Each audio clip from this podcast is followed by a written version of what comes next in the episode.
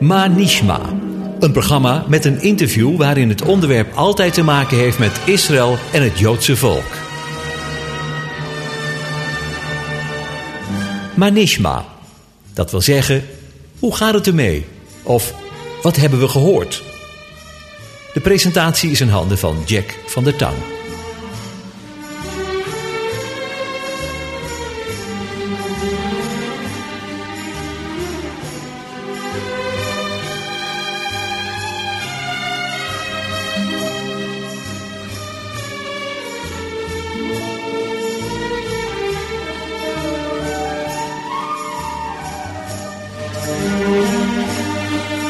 Shalom luisteraars, van harte welkom bij een nieuwe aflevering van het programma Manishma. Deze keer heb ik in de studio Bert-Jan Ruizen, Europarlementariër van de SGP. Nou, de Europarlementariër, dat zegt natuurlijk genoeg, dat is in Brussel. Welkom Manishma, Bert-Jan. Het gaat goed met me, kan ik u zeggen. Ja, ik Mooi heb zo. een mooie, prettige week achter de rug. Heel gevarieerd bestaan heb ik als Europarlementariër. En, eh, nou, ik kan me met hele mooie onderwerpen bezighouden, ook deze week weer.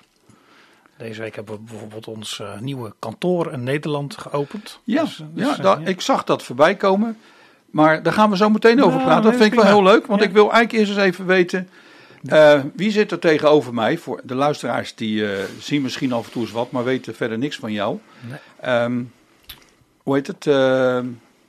Ja, waar ben je geboren? Waar kom je vandaan? Om zo te zeggen. Ja, laten we daar maar eens mee beginnen. Je woont in Krimpen. Ik woon in Krimpen eh, aan, aan de IJssel sinds 1995. Ehm, maar ik ben geboren en getogen in Zeeland. Ik kom van Oostdijk. Oostdijk is een klein dorpje, een gehuchtje in de buurt van Krabbedijken. Daar ben ik opgegroeid. Dus ik ben echt een, echt een eh, zeeuw van origine. Nou heb ik gelijk een vraag. Nou was ik laatst een dagje uit met mijn vrouw. Ja, In Zeeland zijn we eens bezig geweest in Veren. We zijn even Middelburg geweest. En wat ons opviel is dat de mensen wel erg stug waren. stug. Ja, Herken je dat of niet? dat herken ik wel een beetje. En nu, nu verschilt het wel heel sterk per, maar ja, per gemeente en per dorp, zeg maar. Maar wij vonden de mensen echt eh, Ja. van, nou wij misten een stuk hartelijkheid daar. Ze zeggen wel eens, zeeuwen, dat zijn net mosselen. Ze zijn een beetje gesloten. Je moet ze even openmaken. Maar als, als ze eenmaal open zijn, nou, dan, dan zijn het ook toch ook best wel heren prettige en eh, aangename mensen om mee om te Nou, maar dat geloof Ja. ik ook wel. Ja, maar dat wij, wij- het Ja. viel ons echt op. Ach, en we gingen erop letten. We zeiden, ja, het is echt zo. En dan deed iemand hartelijk en dan kwam het, was het weer import. Ja, ja precies. Dus, eh, dat is toch een beetje de volksaard. Ja. Ja, ja, ja. Hey, daar ben je geboren. Heb je altijd daar gewoond of eh, ben je verhuisd op een gegeven moment? Ehm, ik ben op een gegeven moment in Wageningen gaan studeren. Dus na mijn studie, ja, na het, eh, hoe heet het, middelbare, Ja. middelbare school natuurlijk in Goes. Hè. En daarna ben ik, eh, daarna ben ik in eh, Wageningen gaan studeren. Dus daar, toen kwam ik op kamers terecht. Wat studeerde je? Landbouwplantenteelt. Dus ik heb een nadrukkelijke agrarische, agrarische achtergrond, in ieder geval qua opleiding. Ehm, en nou ja, daarna, dus ik heb dus een paar jaar in Wageningen gewoond. En daarna hebben we, eh, de eerste twee jaar van, van ons huwelijk eh, woonden we in, in Ede. Want je hebt je vrouw ontmoet via je opleiding? Of, eh, Die heb ik ontmoet in, in Krabbedijken. Oh, zij, via- komt, zij is ook een via, Zeelse. via de kerk, via de jeugdvereniging. Zij is ook een Oh. Zeeuwse, zeker. Ja. Dus we hebben elkaar daar in Krabbedijken En leren kennen. wat is jouw, want je bent van de SGP, dat is een reformatorische partij. Zeker. En wat is jouw kerkelijke achtergrond? Want er zitten natuurlijk onder de SGP heel wat eh, vlaggen. Ja, ja, ik ben opgegroeid in, een, eh, in, de, eh, in de gereformeerde gemeente. Eh, maar we zijn nu alweer heel wat jaartjes zijn, eh, zijn wij aangesloten bij, de, bij een PKN-gemeente. Maar dat is dan hervormd, hersteld hervormd. Dat, dat is gereformeerde Oh, dat is gereformeerde oh, gereformeerde bondsgemeente, Ja, ja. ja, zeker. Ja. En dat is geen probleem in de SGP? Dat zal wel niet, anders had je er niet bij gezeten. Nee, gelukkig is wat dat betreft de SGP ook een, een hele duidelijke interkerkelijke partij. En dat vind ik ook heel waardevol, dat we elkaar over de kerkgrenzen heen eh, elkaar ontmoeten en samenwerken. Ehm, Maar, Ja. Maar daar ben ik toch wel benieuwd even. Weet Jan, want jij, ik, en ik mag voor de luisteraars, ik, we hebben afgesproken, we mogen zeggen eh, bij de voornaam. zo is dat. Ehm, hoe komt iemand die dus eh, in Wageningen studeert, met landbouw bezig is, in de politiek terecht? Die, Ja. die logica, die mis ik een beetje. Ja, dat, dat, dat is niet iets wat je niet aan de voorkant zo voorspelt. En wat je Nee. aan ziet komen, dit gaat zo gebeuren. Ja, ik zie het toch ook wel een beetje, ook niet een beetje, als, als ook wel leiding in mijn leven. De, de dingen die gebeuren in je leven zie Ja. ik wel, ook wel als de hand van God in je leven. Zeker als je terugkijkt. Ja, hoe ben ik er zo ingerold? Eh, uiteindelijk na mijn studie in Wageningen eh, werd ik benaderd eh, door, door Leen van der Waal. Toen Europarlementariër voor de SGP, GPV en RPF. Want hij had nog een vacature en zocht iemand die wel wat verstand van landbouw had. Eh, dus vandaar dat hij heel gericht op zoek ging eh, naar iemand met een wat agrarische achtergrond. In een, in een wetenschappelijke commissie, een wetenschappelijke raad of echt eh, actief in de politiek? Dus de, als adviseur? Als, als, precies, als, eh, Ja. als, als medewerker voor Leen van der Waal, hè, om, Ja. om hem te kunnen adviseren in Brussel en, en Straatsburg op het vlak van het Europese landbouwbeleid. Eh, dus zo ben ik er eigenlijk ingerold. Eh, dus ja, eigenlijk, feitelijk mijn studie was zeer gericht op zeg maar, het landbouwkundig onderzoek. Eh, maar daar heb ik eigenlijk in mijn werkzame leven niet of nauwelijks iets mee gedaan. Ik ben eigenlijk van meet af aan, ben ik nou, via, via die vraag van Leen van der Waal dus, ben ik van meet af aan in het bestuurlijke wereldje terechtgekomen. Oké. Ja. Dan ben ik toch ook wel benieuwd. Stel dat die vraag daar niet was gekomen. Wat was dan jouw plan, jouw visie om uiteindelijk met je opleiding te gaan doen? Nou, mijn plan, mijn visie was toch wel om vooral het landbouwkundige onderzoek in te gaan. Daar was mijn studie ook nadrukkelijk op gericht. Echt het wetenschappelijke. eh, Wetenschappelijk, eh, wetenschappelijk onderzoek. Hè? eh, hoe kun je nou, de, de, de, de teelt, eh, hoe kun je de teelt verbeteren? Hoe kun je bijdragen aan, aan de voedselvoorziening? eh, hoe kun je omgaan met, met, met droogteresistentie en dat soort dingen. Dus het ook best wel allemaal eh, relevante vraagstukken die spelen. ja, zeker weten.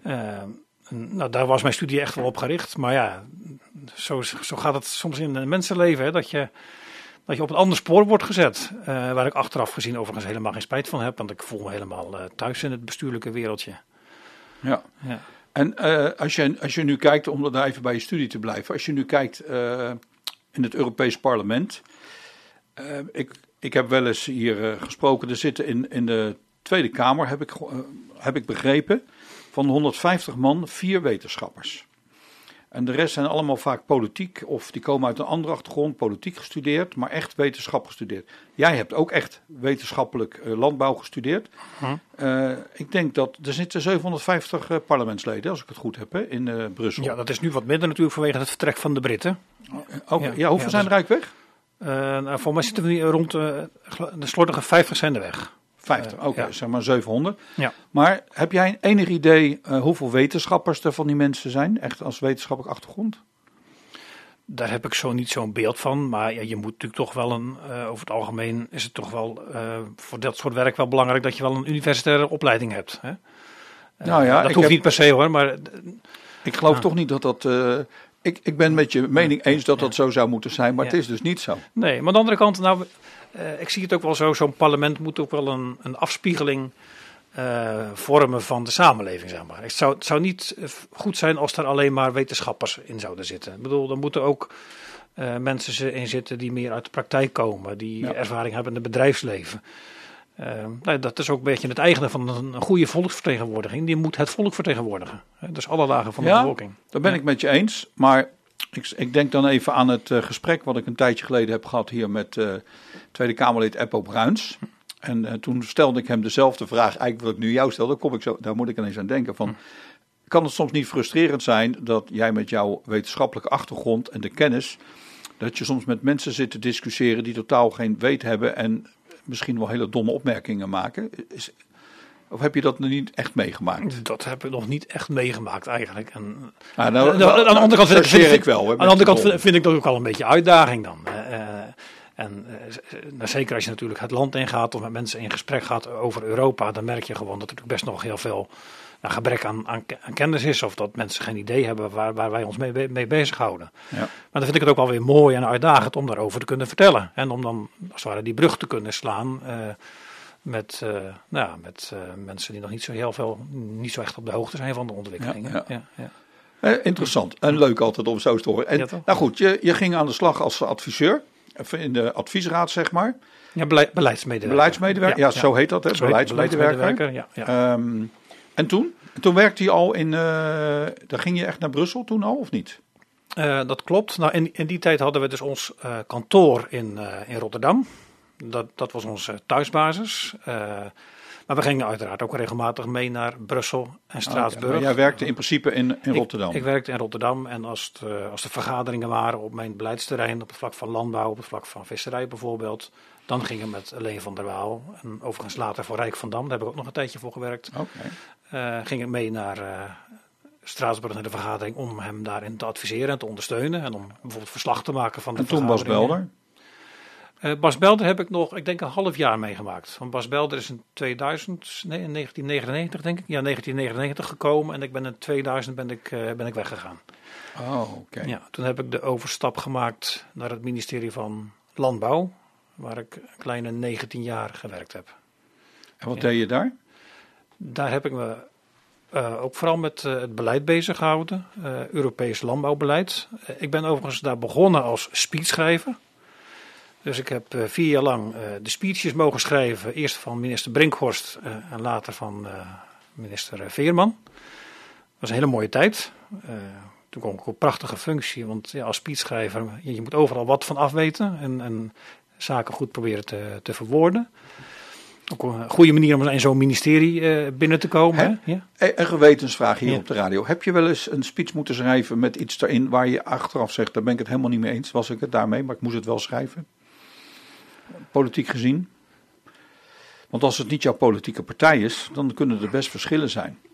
Ja, uh, dat, dat, daar liep je soms natuurlijk best wel eens tegenaan. Ik bedoel, ja. uh, uh, je bent natuurlijk toch, je werkt aan diensten van zo'n minister. Hè? Dus je schrijft de dingen op waarvan je weet, die passen bij zijn visie. Hè?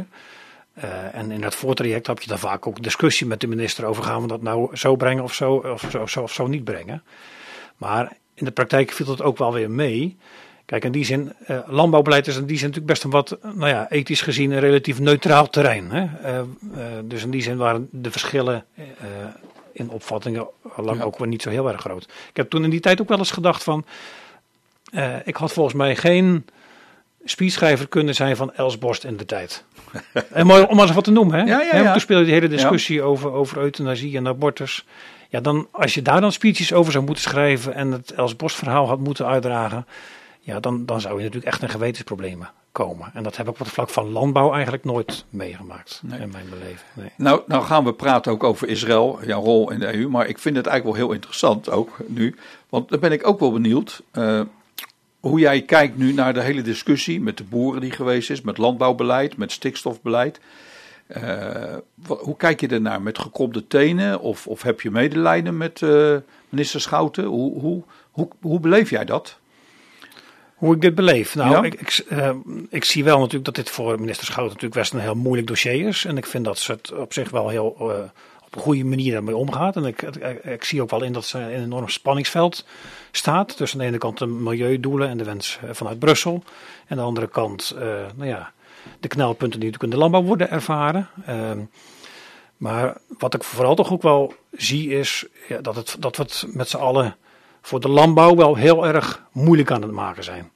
En dus die frustratie eh, die, die er is eh, bij de landbouw, daar, ja, daar voel ik wel enorm in mee. En dan denk ik van, ja, dat heb, daar gaan we toch niet op, als overheid niet op een goede manier mee om. Hè? Dat, ja. we, dat we als het ware de landbouw het zo onmogelijk maken in, in, in ons land om zich te kunnen ontwikkelen. Nou, nou zit jij in Brussel, dus jij hebt een overview over Europa, wat er gebeurt met de landbouw en met de boeren.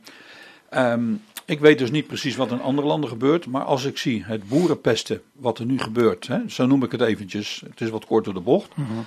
uh, stel dat we zometeen haast geen boeren meer hebben en we afhankelijk zijn van andere landen geworden, en als daar hetzelfde gebeurt, dan komen we toch ernstig in de problemen in Europa met, met voedsel. Nou, nou hebben we natuurlijk uh, de coronavirus. -hmm. We worden ineens geconfronteerd. We zijn wel verrekte afhankelijk geworden van China. Mm. Heel ongezond eigenlijk. -hmm. En dat is het grote pluspunt wat er eigenlijk uitkomt wereldwijd. Dat iedereen wel inziet, hé, hey, er is hier helemaal iets misgegaan. Maar ik denk bij mezelf, ja, wat gaat er zo meteen met de boeren gebeuren in ja. Nederland? En ik vind dat we echt, daar ben ik helemaal met je eens. Ik vind dat we ook echt zuinig moeten zijn op onze boeren, ook, ook in Nederland. Ten meer ook omdat, je, omdat we echt wel een, een, een, een duurzame landbouw hebben. Hè? Uh, natuurlijk, het is een behoorlijk intensieve landbouw soms, met hoge uh, produ productiecijfers. Maar als je gaat kijken naar de milieudruk zeg maar, per eenheid product, dan doen wij het in Nederland eigenlijk hartstikke goed. Ja. En als de landbouw dus hier in Nederland zou verdwijnen, ja, dan verschuift hij dus naar andere gebieden, andere landen, waar, de, waar de, de productie vaak op een veel minder duurzame manier plaatsvindt. Dus in die zin vind ik ook wel dat we onze landbouw eh, moeten koesteren eh, en daar, daar zuinig op moeten zijn. Ja. ja, ik ben echt verbaasd hoor, door, door bepaalde partijen hoe ze daarin staan en eh, eigenlijk gewoon weg willen hebben. Grote Ja. bedragen daarvoor vrijmaken. Nou Ja, zou ik zeker. nog veel verder daarin willen gaan, ook met het nieuwe handelsakkoord hè, met Canada en zo. maar Ik moet daar denk ik toch voor uitkijken in dit programma. Maar ik vind het wel heel erg leuk om daarover te praten. Ehm, hoe heet het? Je bent dus daar terechtgekomen. Hoe ben je weer teruggekomen in de politiek? Nadat je op landbouw werkte? Eh, ik ben eh, al vrij snel in de politiek verzeild geraakt eigenlijk in Krimpen aan de IJssel, waar we dus wonen sinds 1995. Eh, sinds vanaf 2006 tot en met 2019 ben ik dus lid geweest van de gemeenteraad. Dus ik ben nou, vrij lang lokaal actief geweest voor de politiek. Eh, en dat is ook, denk ik, nou ja, die bagage, eh, die neem ik nu natuurlijk ook mee naar, eh, naar Brussel. Ja, ja. Dus ik heb heel lang, zeg maar, het, het, het, ambtenarenbestaan, heel lang gecombineerd met in de avonduren het gemeenteraadslidmaatschap. Maar je bent getrouwd. Je hebt vier kinderen. Ja. Nou heb ik de fout gemaakt in mijn leven door ook te hard te werken en s'avonds er vaak niet te zijn. Eh, jij bent nu ook, je bent het een beetje gewend, hè, want je, zit, je logeert denk ik als je gaat naar Ja. eh, Brussel. Klopt. Twee, drie nachten daar denk ik. Klopt, ja. Heb je wel eens dat je denkt van nou, achteraf heb ik wel een beetje veel tijd gespandeerd aan de politiek in plaats van aan mijn gezin? Ja, soms- Gewetensvraag hè, nu, hè? Gewetensvraag. ja, maar soms, soms denk ik dat inderdaad wel eens, ja. Ja. En zeker als ik terugkijk naar die periode toen ik raads, eh, eh, raadslid was eh, en ook nog een fulltime baan had, dat was ook al een hele drukke tijd hoor. Eh, en toen waren de kinderen natuurlijk nog best wel klein. Ehm, Hoe oud zijn je kinderen nu als ik vragen mag? de oudste is 23 ehm, en de jongste is 12. Oké, Ja, is nog steeds een belangrijke leeftijd. nou zeker wel, zeker wel. Ja, Ja. ja, Je moet wel een hele lieve vrouw hebben dat ze dat allemaal accepteert. ja. Ja dat, dat, dat, dat is ze natuurlijk ook. Ja, je kan niet maken die op de het Nee, niet nee, nee, precies. Nee, maar het is, het is ook helemaal juist. Dus, eh, ja. Hey, en toen kwam de vraag voor eh, Europa. Ja. Heb je er lang over moeten nadenken? Daar heb ik best wel eventjes over moeten nadenken. Eerlijk gezegd, eh, Ben je benaderd of heb je zelf... ik ben benaderd vanuit de selectiecommissie vanuit de SGP. Feitelijk vijf jaar geleden al, hè, bij, de, bij de voorgaande verkiezingen. Toen werd ik op een gegeven moment gevraagd door de selectiecommissie om eens een keer op gesprek te komen. Ik weet het nog heel goed, in Houten. eh, van de Valk eh, Hotel. Of ik eens op gesprek wilde komen voor de Europese lijst. Nou, dacht ik wel best een keer op bezoek eh, komen. Ik had een beetje zelf de verwachting van, nou, ik ben medewerker geweest. Dus ze vinden het wel aardig om een oud medewerker op de lijst te zetten. Ik dacht van, nou, dat wordt dan plek 25 of zo op de lijst. Dat Ja. vermoeden had ik. Maar gaande het gesprek werd al vrij snel duidelijk dat ze me eigenlijk eh, nou ja, een beeld hadden om voor een, voor een vrij hoge positie op de lijst. Eigenlijk tweede na Bas Belder. Dus dat, nou ja, toen ik terugreed, eh, eerlijk gezegd van het gesprek, ik weet niet meer hoe ik thuisgekomen ben, maar dat hield me toen best wel even bezig. Van zo, dit is wel even wel iets wat, eh, wat, wat op mijn weg kan gaan komen en hoe ga ik daar dan mee om? Ja, want dat heeft En- ook voor je gezin grote gevolgen. Dat heeft natuurlijk voor mijn gezin ook grote gevolgen. Precies. Ja, ja, Maar, ook, maar natuurlijk ook wel de verantwoordelijkheid die op je, op je schouders dan gelegd gaat worden. Hè? Het is natuurlijk niet niks. Je bent uiteindelijk toch eh, een van de weinige christelijke parlementariërs die dan eh, actief eh, mag zijn in, in Brussel en Straatsburg. Dus er wordt natuurlijk ook best wel naar je gekeken en terecht. En ja, dus die verantwoordelijkheid rustte best wel op mijn schouders. Maar goed, daar hebben we natuurlijk met elkaar goed over doorgesproken.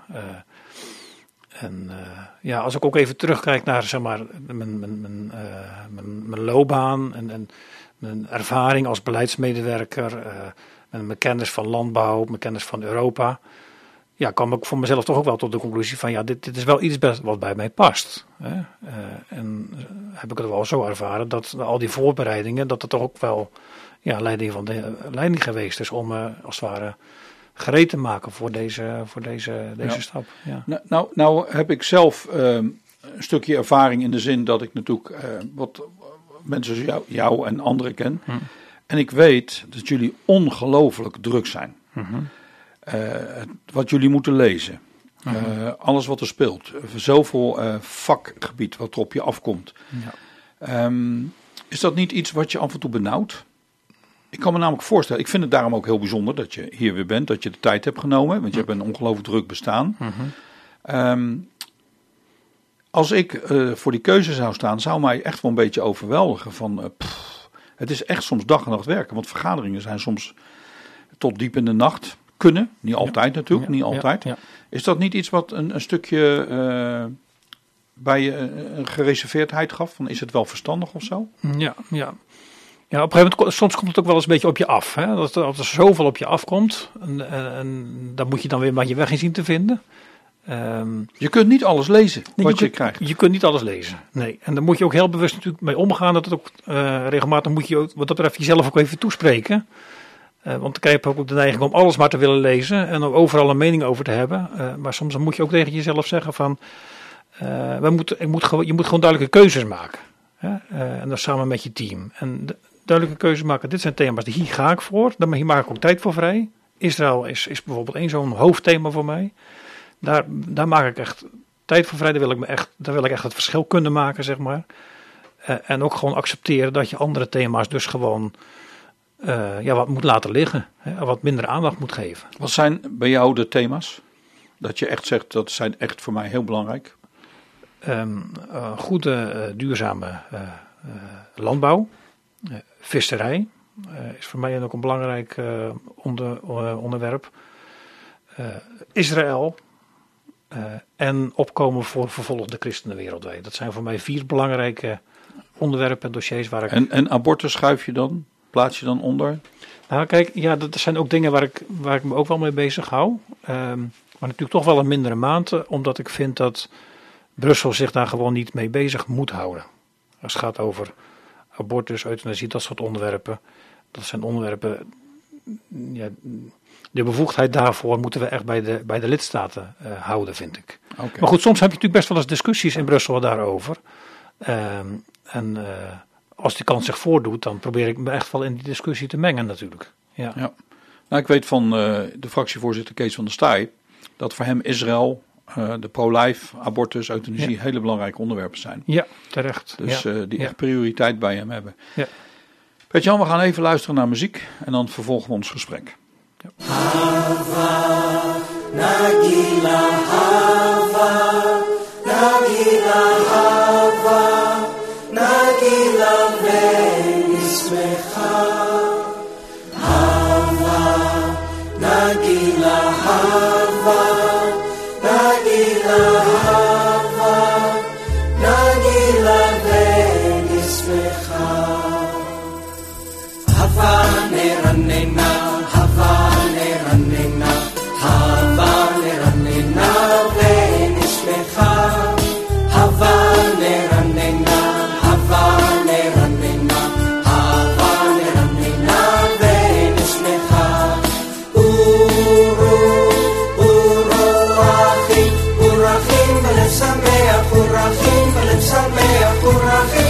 Λέψαμε από ραφή, λέψαμε από ραφή, από ραφή,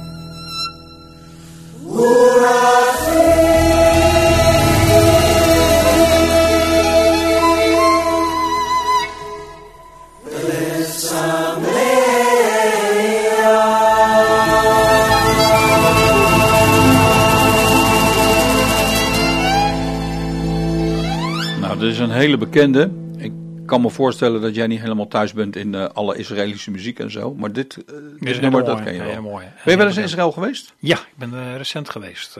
ja, ik vond het heel bijzonder en indrukwekkend om daar eens te zijn. Was het de eerste keer? De eerste keer, ja. ja. En is het waar dat de eerste keer de duurste reis is? Want dat betekent dat je namelijk meer gaat. Ja, nee, dat is zeker waar. Dat is Ja? zeker waar. Ja, nee, ik hoop daar nog vaak eh, naartoe te gaan. Ja. Ja. Ja, heel bewust zijn we ook. eh, Ik had een, een, tweedaagse conferentie. Heel bewust eh, ben ik ook een dag eerder daar naartoe gegaan. En hebben we nou, de Olijfberg verkend. En Dat was met Israel Allies Foundation. Precies. Ja, ja. daar was ik ook voor uitgenodigd. Helaas kon ik niet. Oh, zo. Ja. Dus eh ja. het Dus, zijn mooie conferenties zijn Dat dat. zijn mooie conferenties. Eh, vooral ook om, ja, vanwege natuurlijk het internationale karakter. En dan zit je dus met christelijke parlementariërs eh, van, ja, van over de hele wereld zit je bij elkaar. Eh, in verbondenheid, hè, dat, dat vooral. Eh, om, Ja. om te kijken hoe kunnen we ons nou ja, sterk maken voor nou ja, Israël. En eh, schouder aan schouder met Israël staan. Ja. ja. Nou hebben wij elkaar voor het eerst volgens mij gesproken op een receptie bij de Israëlische ambassadeur. Hè? Ja. Volgens mij voor het eerst ontmoet. ja, denk ik Toen ook. was je net gekozen volgens mij ja, ook. klopt. Ja, Dus dat is wel heel erg grappig. We hebben elkaar nou al heel wat keertjes ontmoet. zeker. Eh, dan ga je beginnen in zo'n Europees parlement. Dan kom je daar binnen. En eh, er zijn er allerlei commissies. En nou weten we, dat heb je al aangegeven in het begin, eh, dat je de tweede persoon bent, zeg maar, van de commissie Israël. Wie is nummer één eigenlijk? Dat is eh, Lopez Isturus, dat is een Spa eh, Spaans, Spaans lid van de EVP. Die is delegatieleider. Een EVP? Dat, Dat, is is. de Euro- Europese Volkspartij. Ja. Oké, maar niet Ja. de evangelische. Nee, de nee, dat heb ik al lang gedacht. het is de Europese Volkspartij, waar onder andere het CDA en de ChristenUnie bij zijn aangesloten. Ah, oké. Ja. En hoe, hoe, is hij een echte Israëlman? Ja, hij is zeker wel een Israëlman, zeker. Ja, ja. Natuurlijk, zeker als voorzitter van zo'n delegatie moet je natuurlijk toch Ja. wat boven de partijen staan. En dat doet hij ook wel op een goede manier. Ehm, Ja. hè, want ja, zo'n delegatie vertegenwoordigt natuurlijk eh, het hele par- parlement. Dus ook de, de linkse partijen participeren daar ook in. Nou, nou heb ik eh, van een afstand en een beetje intern eh, kunnen zien wat er gebeurde met de ontwikkelingen. En nadat de verkiezingen waren geweest, waren er toch een heel aantal pro-Israël mensen verdwenen eigenlijk. En had ik het gevoel, ik wil niet zeggen paniek, eh, maar ik had toch wel de indruk van er is toch wel een tekort aan Israël mensen, pro-Israël mensen. Er zijn een stuk minder dan voorheen. Heb jij dat, nu je terugkijkt, eh, is je, eh, heb je dat ook begrepen? Dat je, want ik merkte dat iedereen eh, zo blij was met jou vanwege je pro-Israël standpunten. Mhm. Heb je dat ook zelf ervaren? Nou, wat je ziet, is dat het Europese parlement is natuurlijk voor een belangrijk deel echt vernieuwd. Ik denk dat, ze- precies weet ik het niet, maar rond de 60% van het parlement, van de parlementariërs zijn er echt nieuw. Eh, dus wat je ziet, dat is dat de- ook, ook zeg maar dat Israëlwerk moet je bijna weer helemaal opnieuw gaan opbouwen. Dus we zijn nu ook volop bezig om nou ja, in beeld te brengen, ook van onder de nieuwe parlementariërs, wie zeg maar op de, op de pro-Israël-lijn eh, zitten. Ja. En ik, zeg, nou, dat, dat betreft zie ik wel hele mooie dingen gebeuren in het Europese parlement momenteel. Eh, er is ook een vriendengroep opgericht in het Europese parlement. Ehm, waar eh, slordige 40 à 50 parlementariërs in participeren. Die pro-Israël zijn? Die, of? die pro-Israël zijn, ja. En zelf ben ik nu ook bezig om een zogenaamde caucus eh, op te starten. Dus een, een groep van nou, gelijkgezinde parlementariërs. Er is een christelijke eh, groep in het kader van Israël Alliance. Knesset Christian Caucus, zeg maar. Ja. Knesset Caucus, eh, Israël Allies, ik weet niet. Israël Cau- Caucus, ja. Dus zoiets probeer ik nu in het Europese parlement eh, eh, op te starten. En dat gaat ook wel lukken, denk ik. Dus zo willen we elkaar als christenen regelmatig ontmoeten rondom thematieken die met Israël te maken hebben. En het mooie van die caucus is dat je dan elkaar treft over fractiegrenzen heen. Hè? Dus zo heb ik ook contacten met iemand van de SND, Sociaaldemocraten, met mensen uit de EVP, Europese Volkspartij, ook met collega's vanuit de ECR-fractie. Dus zo probeer, je elkaar nou ja, eh, vast te houden en, en, en eh, nou ja, plannen ter ontwikkeling. Nou, ik, ik, ik ben blij verrast om te horen dat er 40, 50 dat je over praat. Want ik had soms het gevoel dat jij met eh, vijf man was. En toen Hm. dan dacht ik wel eens van, ja, wat kan je dan in vredesnaam nog betekenen Ja. in een Europees parlement als het Nee. voor Israël gaat? Ja, ja. Nee, wat, wat ik nadrukkelijk zie is, is een hele, hele duidelijke, als het ware, links-rechts tegenstelling. En bij de zeker wat rechtsere partijen, uh, de Europese Volkspartij, maar ook de ECR-fractie en de, en de ID-fractie, die zijn behoorlijk, nou ja, uh, uh, pro-Israël, laat ik het zo zeggen. maar zeker bij de linkse partijen zie ik nadrukkelijk, ja, soms wel, een, soms wel een hele expliciete anti-houding zelfs. Ja. Dus het is best wel een links-rechts tegenstelling wat je, wat je nadrukkelijk ziet. Ja. ja. Hey, nou, nou is er een tijdje geleden een uh, hele discussie geweest en er was nieuws en toen uh, tussen de ChristenUnie en de SGP. Hm. En ik weet nog goed dat er op een gegeven moment een hele leuke foto werd uh, gepost via Twitter en daar zaten Gerrit-Jan Zegers en Kees van der Stijger broederlijk naast elkaar te lachen van jongens, wat praten jullie over? We hebben een goede verstandhouding. Hm. Um, maar als partij sluit je aan bij een groot blok in, in voor de luisteraars die dat niet weten, je sluit je aan bij een groot blok in de Europese Unie. Ja. Uh, het Europees Parlement moet ik eigenlijk zeggen. Maar uh, ja, jullie als SGP hebben een andere keuze gemaakt dan de ChristenUnie. Waar zit hem dat verschil in? Dat verschil zit hem in. Nou, feitelijk zijn we bij de conservatieve partij gebleven. Hè. Bas Belder was er ook al lid en Peter van Dalen was er ook bij aangesloten. Peter van Dalen is Peter, van de Peter van Dalen is van de ChristenUnie. En, en uh, Peter van Dalen heeft de keuze gemaakt om niet meer bij de conservatieve fractie te blijven en de overstap te maken naar de Europese Volkspartij. Uh, dat heeft hij dus vooral gedaan uh, omdat Forum voor Democratie zich aansloot bij de, bij de ECR-fractie. En daarvan heeft de ChristenUnie gezegd: wij willen niet met Forum voor Democratie in één fractie zitten. Dus vandaar dat ze de keuze hebben gemaakt om de overstap te maken naar de Europese Volkspartij. Um, wij, wij, hebben dus niet die keuze gemaakt als SGP. Vooral omdat wij zien dat de EVP een zeer pro-Europese koers vaart. Uh, terwijl wij een eurokritische partij zijn. Wij kiezen voor een bescheiden Europa. Uh, voor een Europa dat wel samenwerkt op een aantal terreinen. Maar wij willen niet toe naar iets van een superstaat. Uh, en en nou, daarom voel ik me best thuis bij, die, bij de ECR, de conservatieve fractie. Want die kiest nadrukkelijk voor zo'n uh, eurokritische houding. En tegelijkertijd is er in die partij ook heel veel waardering voor christelijke waarden en normen. Ja. Hoe sta jij als christen tegenover het feit, want er zijn, de, het zijn voornamelijk christenen die naar dit programma luisteren. Ja. Hoe sta jij tegenover het feit dat er zo uitgebreid in de christelijke wereld wordt gesproken over het Babylon, het goddeloze Babylon, de Europese Unie? Ik weet dat achter de brexit een heel aantal christenen hebben gezeten. Uh, heel veel bidders hebben gebeden dat zij uit dat Babylonische systeem zouden gaan. Uh -huh. je, je bent het bekend van, want je weet in Straatsburg ja. natuurlijk wat daar, het gebouw, hoe dat eruit ziet. Ja. Um, hoe sta jij daarin ten aanzien van uh, het christelijke aspect? Want het is natuurlijk een heel ja. goddeloos uh, systeem eigenlijk, want vind ik. Maar wie ben ik? Ja, ja, nu, nou ja, ja nou kijk, de, uh, er zitten wel Babylonische trekjes in, laat ik het zo zeggen.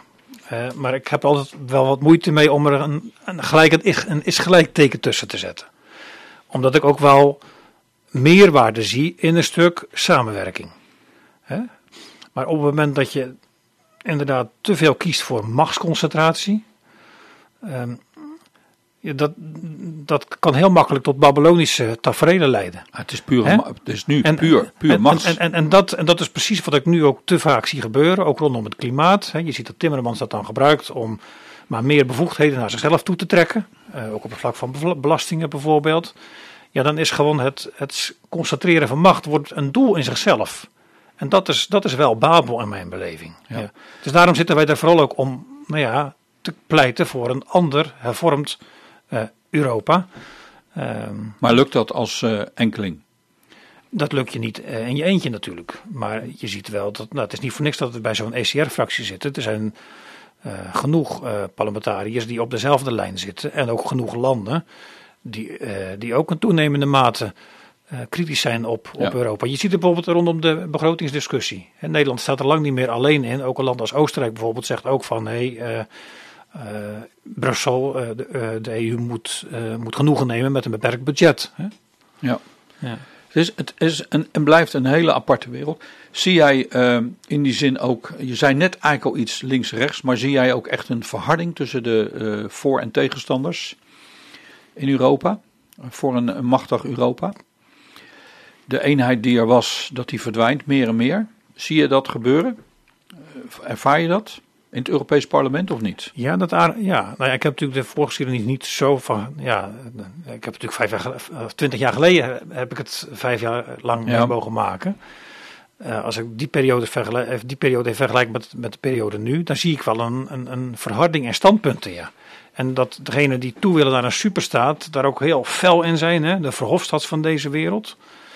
Ehm, en dan, aan het, eh, tegelijkertijd zie je er ook wel een, bij, bij de eurocritici ook wel een steeds meer assertievere houding van ja, maar dit willen wij niet. Hè? Ja. Nou, nou eh, loop ik al een ja- paar jaartjes mee en kom ik regelmatig daar. En dan zie je eigenlijk, toch eh, vind ik dat het steeds erger ook anti-Israël wordt. Eh, terwijl er wordt van alles georganiseerd. Er zijn zoveel bewijzen Ja. dat er gelogen wordt, ook door de Palestijnen en dergelijke. Maar elke keer gaan ze toch weer mee in die leugens, terwijl het aantoonbaar is. Ehm, daar ben jij ook actief mee, hè, om dat te ontmaskeren, dit soort zaken.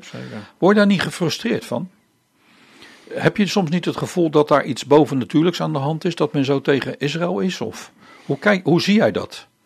Ja, nou ja, fr- frustratie heb ik nog niet bij mezelf ervaren, laat ik het zo zeggen. Eh, me- meer juist een, eh, een extra drive en motivatie en energie om er juist, om juist de andere kant te laten zien. En om juist eh, Ja. te knokken voor zeg maar, een, een meer pro-Israëlische koers vanuit eh, de EU.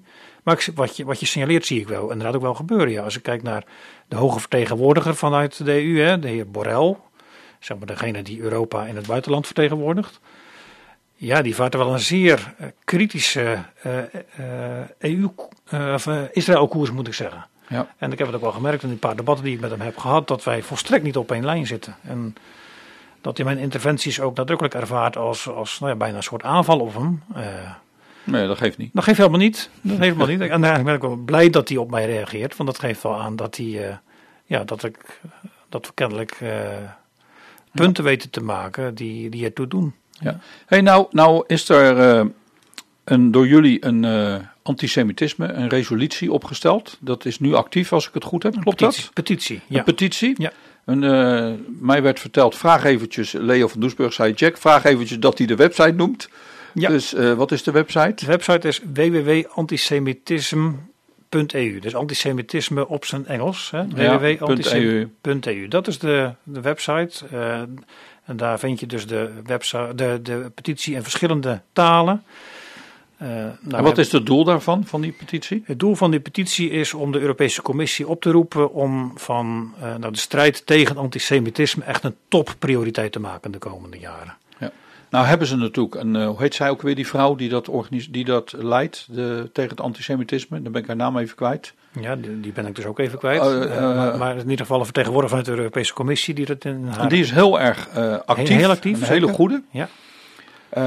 Maar zou je daarmee het antisemitisme kunnen stoppen? Nee, dat, gaat- dat, dat lukt natuurlijk niet alleen daarmee. Hè. Eh, kijk, het, eh, het is wel belangrijk dat er binnen zo'n commissie voldoende capaciteit voor beschikbaar wordt gesteld. Hè, om, om onderzoek te doen, om, om rapporten uit te kunnen brengen, om dingen te, kunnen agenderen. Maar uiteindelijk moet het natuurlijk op het grondvlak moet het gebeuren. Hè. Eh, het, zit, het zit al in de hoofden van mensen. Hè. En, en daar moet dus verandering in komen. Dus bijvoorbeeld aandacht besteden aan dit onderwerp in, in het onderwijs, hè, om maar eens wat te noemen. Dat is natuurlijk, dat is natuurlijk cruciaal. Hè. Ja, nou, nou is het natuurlijk eh, heel duidelijk, hè, er wordt, het antisionisme wordt losgemaakt van het anti antisemitisme. Nou weten jij en ik dat dat hetzelfde is eigenlijk. Eh, in hoeverre lukt het jou om daar ook aandacht voor te krijgen dat er geen verschil is? Is, is, is, is men daarvoor open of zegt men nee, dat is toch iets art, aparts? Dus de strijd wordt toch- tegen Israël. Ja, dat, dat, zo wordt het natuurlijk wel vaak gebracht als zijnde van dit, dit is iets aparts. Hè? Dat moet je, moet je vooral los van elkaar zien. Eh, je, je mag best eh, nou, kritisch zijn op Israël en dat vooral. En eh, dat, daarmee, dat is per definitie nog geen, nog geen antisemitisme. Dat is wat natuurlijk wordt gezegd wordt. Maar ja, de manier, ik, ik zie daar wel hele nadrukkelijke overlappen in eerlijk gezegd. De manier waarop Israël bejegend wordt. Ja. Rondom die hele labelingsdiscussie, et cetera. Nou ja, dat, dat, dat, dat zie ik toch ook wel bij als een, als een verlengstuk van, nou ja, als een, van antisemitisme Ja, gedrag. Ja, als, je, ja. als je nou kijkt hè, eh, met, naar Europa, en jij hebt daar beter zicht op dan ik. Eh, zie jij een aantal landen waar echt een ernstige ontwikkeling is ten aanzien van het antisemitisme? Bijvoorbeeld, we hebben Polen gehad, uh, waarin natuurlijk een hele discussie is, en dat is daar nog steeds heel gevoelig. Uh, Oostenrijk, heb ik wel eens gehoord, is ook heel antisemitisme, maar daar hebben ze natuurlijk een leider die heel erg pro-Israël is. Wat, wat zie jij in Europa dat je zegt, nou, daar zijn landen, daar maak ik me echt zorgen over? Weet je, weet je Ja, dat of niet? nou ja, misschien moeten we bij ons eigen landje beginnen, Nederland. Hè? Eh, Daar heb ik echt wel zorgen over. Maar ook, ook een land als Frankrijk eh, is natuurlijk de toenemende sprake van, eh, toenemende mate sprake van, van antisemitisme. Ehm, Nou- maar eigenlijk denk ik dat, dat, het, dat het vrij breed leeft en, en dat het in, in alle lidstaten wel, eh, wel speelt. Ja. Ik eh, sprak laatst met iemand uit Duitsland die vertelde dat de rechtse partijen daar opkomen, die heel erg antisemitisme- semitismisch eh, zijn. Je gaat er haast van stotteren van nou, het woord. hè? Nou, hè, ja. Ehm, maar jij zit natuurlijk eigenlijk met rechtse partijen ook in een partij, toch? Ja, maar wij, wij, wij houden nadrukkelijk afstand van extreemrechtse partijen. Hè. De, in de ECR zitten geen extreemrechtse partijen. Hè. Dus eh, bijvoorbeeld een partij als eh, de partij van Le Pen en de AFD. Die partijen zitten niet in de ECR-fractie, die zitten in de ID-fractie. Ja, en de, A- de AFD is een Duitse partij en daar is echt een hele grote zorg over. Daar zijn natuurlijk wel zorgen over. Ja, ja, ja. Ja, ja. Ja, en nou ja, kijk, het, ik denk dat het goed is om te signaleren dat antisemitisme, dat dat, eh, dat, dat, dat komt van, het gevaar komt, komt van rechts, maar het komt ook even goed van links.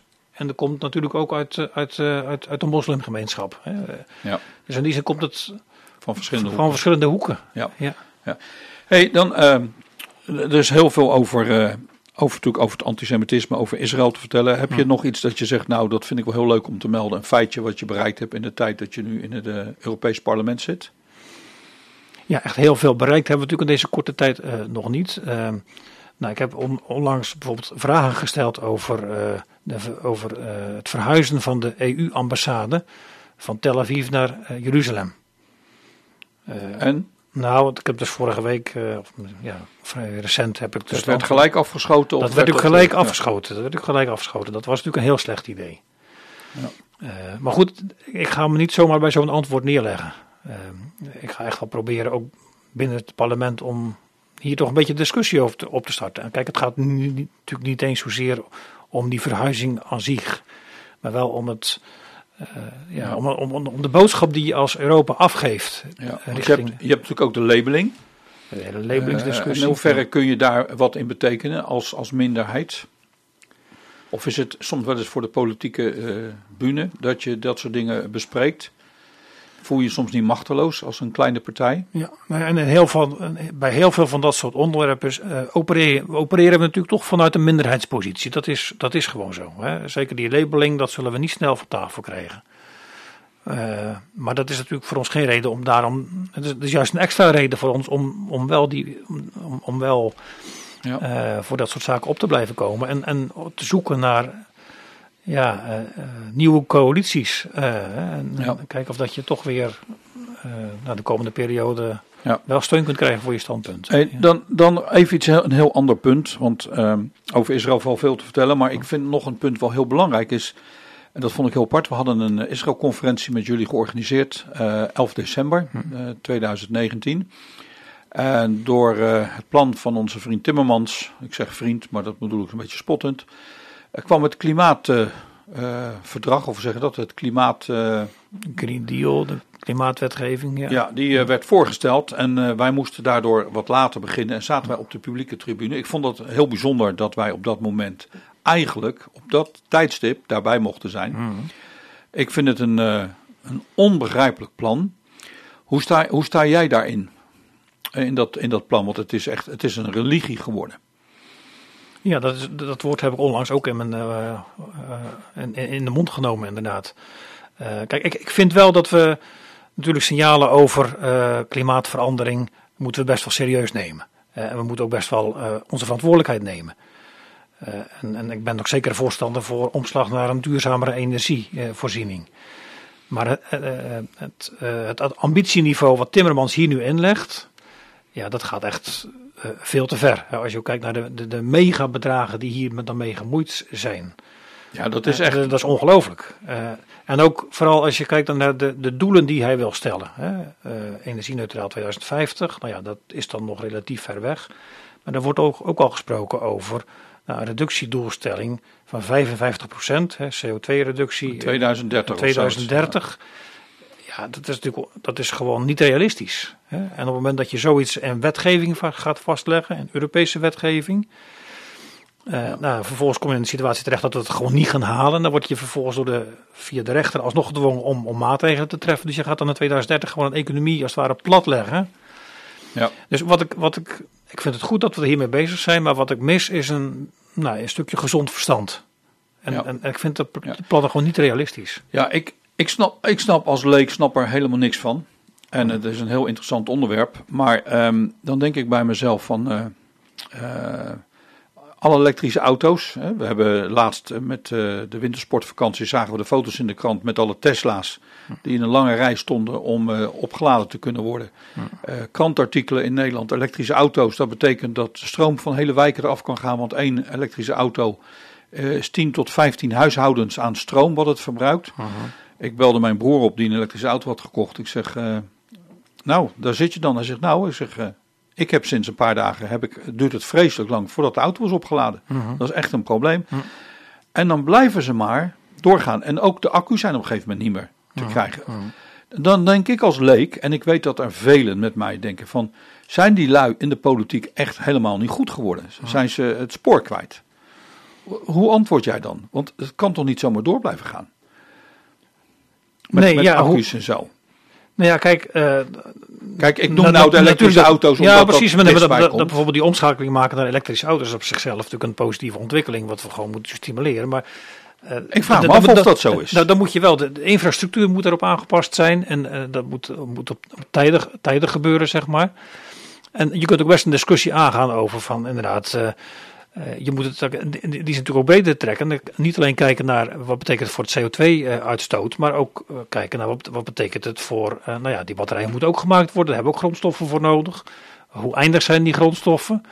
Dus daarop blijven bezinnen van ja, we zitten wel op de, op de, op de, op de goede lijn. En, en eh, eh, kijk, nu, nu is alles ineens op dit soort, dit soort maatregelen eh, gericht. Hè? Eh, en so- soms denk je wel eens van ja, moeten we niet even voor onszelf even een, een zendingsmomentje inlassen om te kijken van zijn we wel op de, met de goede maatregelen bezig. Ja. Ja. Nou ja, ik, ik, ik, ben, ik weet van een, eh, van een bedrijf eh, die dus, eh, de gemeente Rotterdam is een grote klant van het bedrijf. Nou, er wordt een eis gesteld van, eh, we willen dat jullie wagenpark uit zoveel elektrische auto's bestaat. Nou, dat had hij nog niet op tijd. Hij is de klant kwijt. Mhm. Dus toch, ik vind dat pure manipulatie. Mhm. Ik vind dat, ik vind dat echt walgelijk dat het op die manier eh, gedaan wordt. Ehm, kijk, als je het nou hebt over. eh, en, eh, ik praat en ik weet dat heel veel mensen van de, het, gewone, het gewone volk, zo noem ik me maar eventjes, zo denkt. En die denkt, ja, is allemaal leuk, allemaal leuk en aardig. Maar er gaan ook zoveel theorieën op internet. En er zijn ook heel veel wetenschappers die zeggen, die hele theorie is niet waar. Hoe sta jij daarin? Want dat weet jij dan ook wel. Dat er een hele groep wetenschappers zijn die zeggen eh, dat hele klimaat met dat CO2, dat deugt gewoon niet, dat verhaal. Is, is, dat moet jou toch ook bekend zijn? Ja, dat is, dat is mij bekend. En, en dat is ook voor, voor een politicus best eh, in die zin een, lastige van hoe ga je daarmee om. Hè? Eh, kijk, aan de ene kant, een, veel wetenschappers zeggen van je moet het heel serieus nemen. En, en, eh, maar er is, er is natuurlijk ook een groep die, die daar twijfels bij heeft. Ehm, Nou, die zeggen Kijk, gewoon kijk, dat het niet zo is. nou ja, kijk, de, discussie gaat er vooral denk ik ook over van in hoeverre is het eh, door de mens te beïnvloeden. Eh, of, eh, kijk, want dat het klimaat verandert, nou ja, dat, dat zien we om ons heen gebeuren. Maar de vraag is natuurlijk wel van in hoeverre heb je daar met je CO2-uitstoot invloed op? Of wordt het misschien toch beïnvloed door andere factoren, zoals bijvoorbeeld, nou ja, de, de positie van, ten opzichte van, van de zon, et cetera. Eh, maar tegelijkertijd zijn natuurlijk de, de, de, de waarschuwingen die worden gegeven vanuit de wetenschap van eh, let op eh, wat je doet. En ik wil dus daaraan serieus dat, dat ik ook vind dat je als politiek daar eh, wel, eh was maar vanuit een stukje voorzorg, wel je maatregelen mee, mee moet treffen. Kijk, als het natuurlijk gaat over omslag naar een duurzame energie, eh, dat is niet alleen belangrijk met het oog op het klimaat, dat is ook bijvoorbeeld belangrijk om eh, minder afhankelijk te zijn van, eh, van invoer van, van, van olie vanuit eh, Arabische landen, om zo maar te zeggen. Eh, en het is ook nou, voor allerlei andere doeleinden is het gewoon natuurlijk uh, wel goed. Hè? Die, die ja. fossiele brandstoffen, ze raken een keer op. Hè? Ja, maar dan denk ik van hier uh, moet je van het gas af. En in, uh, in, Duitsland krijg je 750 euro subsidie als je aan het gas gaat. Dus het is ja, een, heel, heel raar verhaal. Dat klopt. Nou, dat, dat, heeft, dat wij van het gas af moeten, heeft bijvoorbeeld alles te maken met de hele Groningen discussie. Ja, ja. Maar wat ik heel apart vond, toen ik uh, 11 december in het Europees Parlement zat, en ik zat ook naar jou te kijken, en je zat links, zag ik daar zo. Hm. En toen kwam er mij een verhaal binnen. een heel apart verhaal, ik ga het hier toch op de radio zeggen. Ik, de eerste keer dat ik in Israël was, ben ik een man tegengekomen waarvan ik dacht, die is echt de weg kwijt. Uh, die heeft het Jeruzalem-syndroom, dacht ik. Maar die vertelde mij een verhaal over de uitleg van de vier paarden uit Openbaring. En die noemde toen het vierde paard. Hij zegt, daar staat het fale paard. Hij zei, maar dat kun je eigenlijk zeggen als het groene paard. Hij zei, en God gaat het milieu, het, uh, de temperatuur, het milieu gebruiken voor een oordeel over de wereld. Groen betekent het. Nou, toen speelde het nog niks met milieu, klimaat, al dat soort zaken. En uh, ik weet nog dat ik op die tribune zat en ik zat te luisteren en ik was verbijsterd. Want eigenlijk was er niemand die een kritische opmerking had. Want iedereen die zei wat en er werd geapplaudiseerd. Ik, ik schrok er echt van. Uh, jij zei wel wat, uh, maar ook niet, vond ik, naar mijn beleving, kritisch genoeg. Maar goed, dat, jij weet er meer van dan ik van het plan. En toen kwam ineens die gedachte op van ja, we zitten nou allemaal te denken dat al die fabrieken er verantwoordelijk voor zijn en al die auto's. Dan zou het niet zo kunnen zijn dat God ook de wereld aan het oordelen is door middel van verandering van het klimaat voor de wederkomst. Heb jij daar ook wel eens over nagedacht? Hmm. Ik, nou ja, dat, dat is natuurlijk zeker het besef wat wij als christenen moeten hebben. Van, uh, natuurlijk, als mensen hebben we onze eigen verantwoordelijkheid. Maar uh, God leidt deze wereld. Uh, en dat kan je moeilijk zeggen, het Europees Parlement. Hè, maar... Toch doe ik dat regelmatig. Of ja, probeer ik dat op gezette tijden wel, wel te doen, ja, om dat ook uit te dragen. Um, en hij heeft wel alles in zijn hand. En hij bestuurt ja. ook alles. Uh, dus ook, ook de hele, hele klimaatverandering. ja, dat, dat, dat, dat kan ook een, een, een ja, ook, ook een roep van, van God zijn. Of een, iets, iets wat, wat, wat hij. In ieder geval is het iets wat, wat de Heer God bestuurt. Ja. En nou, dat, dwingt ook, dat dwingt ook, ook, ook, ons wel om na te denken over wat wil, wat, wat wil de Heer God ons hiermee zeggen. Uh, en inderdaad, belangrijk om dit soort dingen gewoon in het toekomstperspectief te plaatsen. Ook in het perspectief van de wederkomst. Hè? Ja. Kijk, ik weet dat er bedrijven zijn die ongelofelijke troep uitstoten waar we wat aan moeten doen. Daar ben ik het ook mee eens, dat dat moet stoppen. Maar um, en ik, ook de plastic aanpakken ja. is ook iets wat voor mij helemaal geen twijfel is. Dat is echt bizar als je dat ziet wat nou, daar gebeurt. Zeker. Uh, maar het hele doorslaan, uh, het religiedenken van een, een, Timmermans, wat ik echt denk, hoe is het toch mogelijk dat dit bestaat in, een, in een Europa? Het is goed om natuurlijk uh, aandacht te hebben voor het milieu, maar dat, laten we dat dan vooral ook nou ja, doen vanuit zeg maar, een stuk rentmeesterschap. Hè? Ja. vanuit bijbelse visie op de, op, op de schepping. Maar op het moment dat we natuurlijk uh, moeder aarde als het ware uh, een goddelijke status gaan geven, dan, dan, dan, zijn we op een verkeerde manier hiermee bezig. Hè, dan wordt het echt een religie. Ja. En nou ja, daar ja. moeten we wel van waken. Hey, we zijn zo goed als aan het einde gekomen. Nog een vraag, laatste vraag, want ik vind het heel erg leuk. Ik hoop dat de luisteraars ook een beetje mee kunnen genieten hiervan. het zal soms wel droge stof zijn. maar uh, in hoeverre uh, beleef jij zelf jouw geloofsleven en de politiek? Hoe zie je dat? Hoe ervaar je dat zelf, je geloof en de politiek? Ja, nou ja, ik, ik, ik, ervaar het wel zo dat ik, ja, ik zie dat toch wel iets wat op mijn weg gekomen is. Um, uh, om in, het, in de politiek actief te, te zijn. En uh, ik vind het ook belangrijk om als, uh, om te laten zien dat ik ehm, christen ben. Hè? en om ook als, als het ware een lichtend licht, zeg maar, ook in Brussel te kunnen zijn. We zijn natuurlijk allemaal op onze eigen plek in onze samenleving geroepen om, uh, om uh, het licht te verspreiden, um, getuige te zijn, uh, maar zeker op deze plek. En nou, het, het geloof helpt mij wel heel nou, enorm. Ik bedoel, zonder het geloof zou ik eigenlijk dit, dit werk niet kunnen doen, denk ik. te meer ook ja. omdat je, ja, we mogen ons, we mogen vertrouwen hè, op, op God de Heer die deze wereld bestuurt. En dat bewaart ons voor een enorme kramp. We hoeven niet alles, natuurlijk, we moeten onze verantwoordelijkheid nemen, we hoeven niet alles zelf op te lossen. Uh, want we weten ook als het gaat over de toekomst van Israël en als het gaat over het klimaat, dat is allemaal in Gods hand. En dat geeft ook een stuk rust en vertrouwen. Ja. Hebben jullie ook bidstonden in de SGP? Kennen jullie dat ook? Ja, is, ja we, nou ja, specifieke bidstonden, nou ja, bijvoorbeeld rondom verkiezingen bijvoorbeeld, hè, dan uh, uh, is het ook goed gebruik om bijvoorbeeld de, de, de, laatste bijeenkomst vooral ook het, karakter van een bidstond uh, te geven en om bezinnend rondom de Bijbel bezig te zijn, ja. Maar het is niet zo dat jullie elke week beginnen, bijvoorbeeld als jullie allemaal op kantoor zijn met een uh, kwartier of een, stuk bijbelstudie en een gebed of zo? Dat, uh... Nou, als het gaat over de, onze fractievergaderingen bijvoorbeeld, uh, starten we standaard met een, een bijbellezing, korte overdenking daarover en een gebed. Ja. want ja, kijk, en ook goed om dat met, met elkaar als fractie, om dat, om dat zo te doen. En om, om op die manier ook onze, onze afhankelijkheid eh, te beleiden. Hè? Ja. Eh, en ja, dan mag je ook wel eens ervaren dat het, uh, ja, wat, hoe belangrijk het gebed ook is. Hè? en dan mag je ook terug, soms terugkijken en zeggen van nou, we weten ons afhankelijk en God heeft ons er toch, ja, we zijn er toch weer doorheen geholpen. We hebben de kracht gekregen om dit werk te kunnen doen. Dus het is bidden en danken. Hè? Amen. Amen. Zo is het. We zijn zo goed als aan het einde gekomen. Bert-Jan, uh, dankjewel voor uh, de moeite dat je naar Den Haag bent gekomen. Graag gedaan. Dat je tijd hebt gemaakt, want ik weet hoe druk het is. Dat heb ik al eerder gezegd.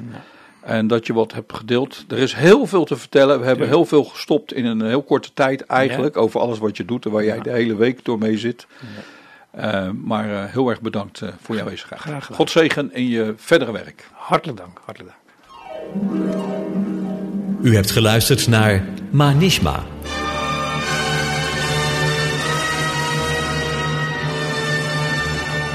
Een programma met een interview waarin het onderwerp altijd te maken heeft met Israël en het Joodse volk. Presentatie Jack van der Tang. Wilt u het programma nog eens naluisteren? Dan kan dat. Ga naar radioisrael.nl en klik onder het kopje radio op Uitzending gemist.